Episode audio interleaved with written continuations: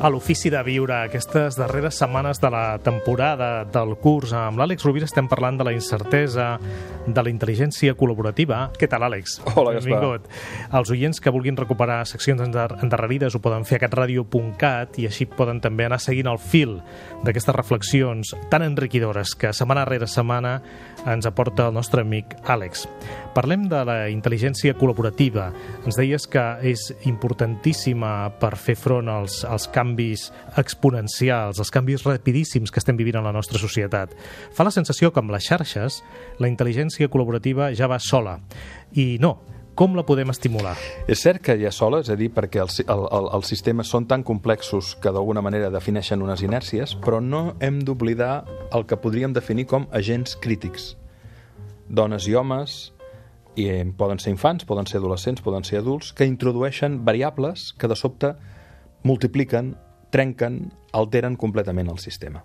En aquest moment estan naixent nenes i nens arreu del món, cada dia en promig des de l'any 2000 fins a l'any 2100 hi haurà un saldo promig de 122.000 persones que naixeran. Algunes d'aquestes seran nenes i nens que aportaran solucions que canviaran radicalment la nostra vida. Com ho van fer els creadors de Google, o de Facebook o d'Instagram o d'altres solucions, no només en xarxes socials, que estem visquent en l'actualitat.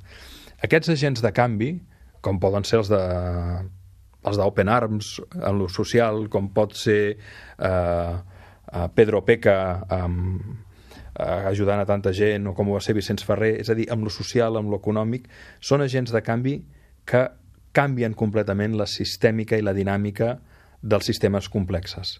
Per tant, és cert que tot té una inèrcia, però no podem renunciar mai al fet de que hi ha dones i homes que introdueixen, um, com t'ho diria, tsunamis, empentes, masses crítiques en el pensament, en l'emoció, en l'acció, en l'espiritualitat, que poden fer canviar radicalment una tendència que sembla fermament establerta. Ho hem vist en la política. Resulta que ara és president del govern una persona que va ser defenestrada perquè obtenia molts mals resultats. Mira quina, quina paradoxa, no? O resulta que, eh, i Trump no em cau gens bé, però resulta que, que ha firmat, sembla un armistici amb el dictador de Corea del Sud, sota una expectativa que ningú esperava, mentre es va carregant moltes altres coses, no? Sí, Aquests... com el gran enemic. Sí? Pot passar a ser un còmplice. Eh? Sí, aleshores, eh, en aquest sentit, eh, hi ha variables, o sigui, l'evolució mai ha estat lineal, la transformació no és lineal i obeeix a sistemes tremendament complexes on hi han dones i homes que introdueixen variables crítiques que de vegades poden ser petitíssimes, petitíssimes intervencions. Aquí tenim l'efecte papallona, no?